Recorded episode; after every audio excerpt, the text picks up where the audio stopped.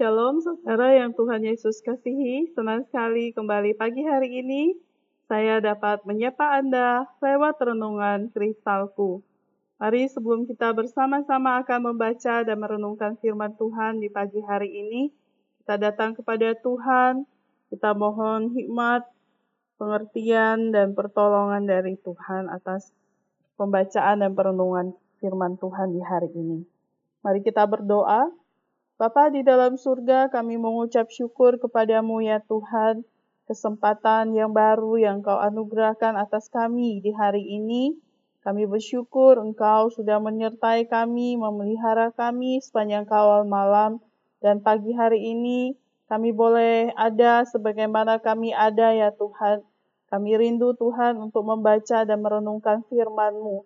Firman-Mu yang adalah terang dan pelitah bagi kaki kami kami berdoa, Tuhan, firman-Mu sungguh boleh tertanam di dalam hati kami. Firman-Mu sungguh boleh membawa kami kepada apa yang menjadi kehendak Tuhan, yang boleh menguatkan, yang boleh meneguhkan, dan juga menasihati kami.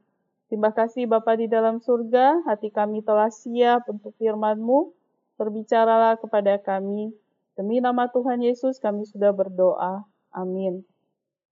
Pembacaan firman Tuhan pada hari ini dari ulangan pasalnya yang ke-32 ayat 7 sampai ayatnya yang ke-12. Demikian firman Tuhan.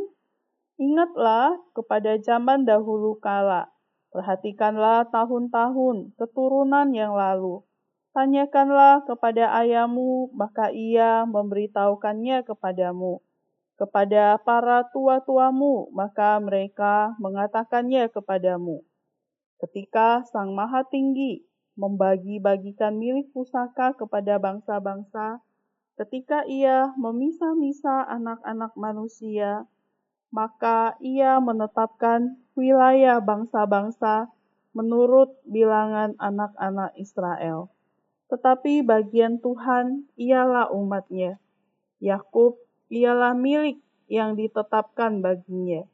Didapatinya dia di suatu negeri di padang gurun, di tengah-tengah ketandusan dan auman padang belantara.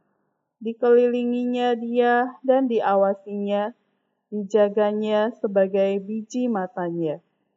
Laksana Raja Wali menggoyang bangkitkan isi sarangnya, melayang-layang di atas anak-anaknya, mengembangkan sayapnya, menampung seekor, dan mendukungnya di atas kepaknya. Demikianlah Tuhan sendiri menuntun dia, dan tidak ada Allah asing menyertai dia. Sampai sejauh demikian, pembacaan firman Tuhan pada hari ini. Tema renungan kita adalah memelihara kita. Putrinya pulang dari luar negeri dengan kondisi kesehatan yang kurang baik. Ketika rasa sakitnya tak lagi tertahankan, Betty dan suaminya membawa putri mereka ke UGD. Para dokter dan perawat memeriksanya, dan sesudah beberapa jam, salah seorang perawat berkata kepada Betty, putri Anda akan baik-baik saja. Kami akan merawatnya dengan baik agar ia segera pulih. Mendengar kabar itu, Betty merasa begitu damai dan dikasihi. Ia menyadari bahwa meskipun ia dapat menjaga putrinya begitu rupa, Tuhanlah Bapa yang terbaik, yang memelihara kita anak-anaknya dan menghibur kita di masa-masa sulit. Dalam kitab ulangan, Tuhan mengingatkan umatnya ketika mereka mengembara di padang gurun. Ia memelihara mereka bagaikan orang tua yang penuh kasih menjaga anak mereka. Tuhan tidak pernah meninggalkan mereka, dan Dia seperti Raja Wali yang mengembangkan sayapnya untuk menampung anak-anaknya dan mendukungnya di atas kepaknya. Dalam pembacaan firman Tuhan tadi di ayatnya yang ke-11. Tuhan ingin umatnya mengingat bahwa sekalipun mereka mengalami kesulitan dan tantangan di padang gurun, dia tidak meninggalkan mereka. Mungkin saja kita juga menghadapi berbagai tantangan, tetapi kita dapat terhibur dan dikuatkan ketika kita mengingat bahwa Allah kita tidak akan pernah meninggalkan kita.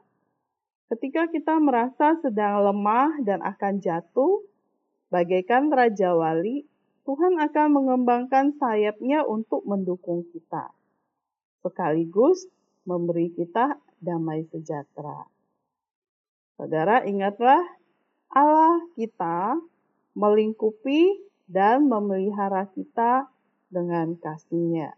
So, apa pun kondisi yang sedang kamu hadapi saat ini, entah itu di tengah keluargamu, di tengah-tengah uh, studi kamu, ada kesulitan dalam pelajaran tertentu, jangan putus pengharapan. Tuhan akan menopang dan menguatkanmu. Mari kita berdoa. Terima kasih Tuhan Yesus atas kasih-Mu sebagai Bapa kami jauh lebih besar daripada yang dapat kami bayangkan. Kiranya kami terus mempercayaimu dan membagikan kasihmu kepada sesama kami ya Tuhan. Tolong kami selalu kuat menghadapi berbagai tantangan yang ada. Kami boleh dihiburkan dan dikuatkan, ya kami mengingat sungguh engkau Allah yang tidak akan pernah tinggalkan kami sendirian. Terima kasih Tuhan Yesus.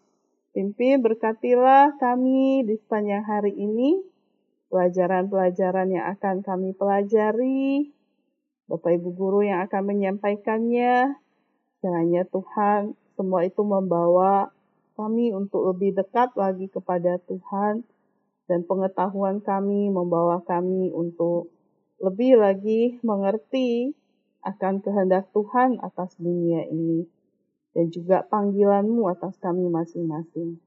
Tuhan berkati orang tua dalam usaha kerja mereka. Tuhan yang topang berkati uh, di akhir tahun ini. Kiranya semua dalam kondisi yang baik ya Tuhan. Semua boleh berjalan sesuai dengan rencana dan kehendakmu. Terima kasih Bapak. Ini permohonan dan doa kami yang kami alaskan hanya demi nama Tuhan Yesus. Amin. Selamat belajar. Bersama Yesus, aku bisa bergerak dan berubah.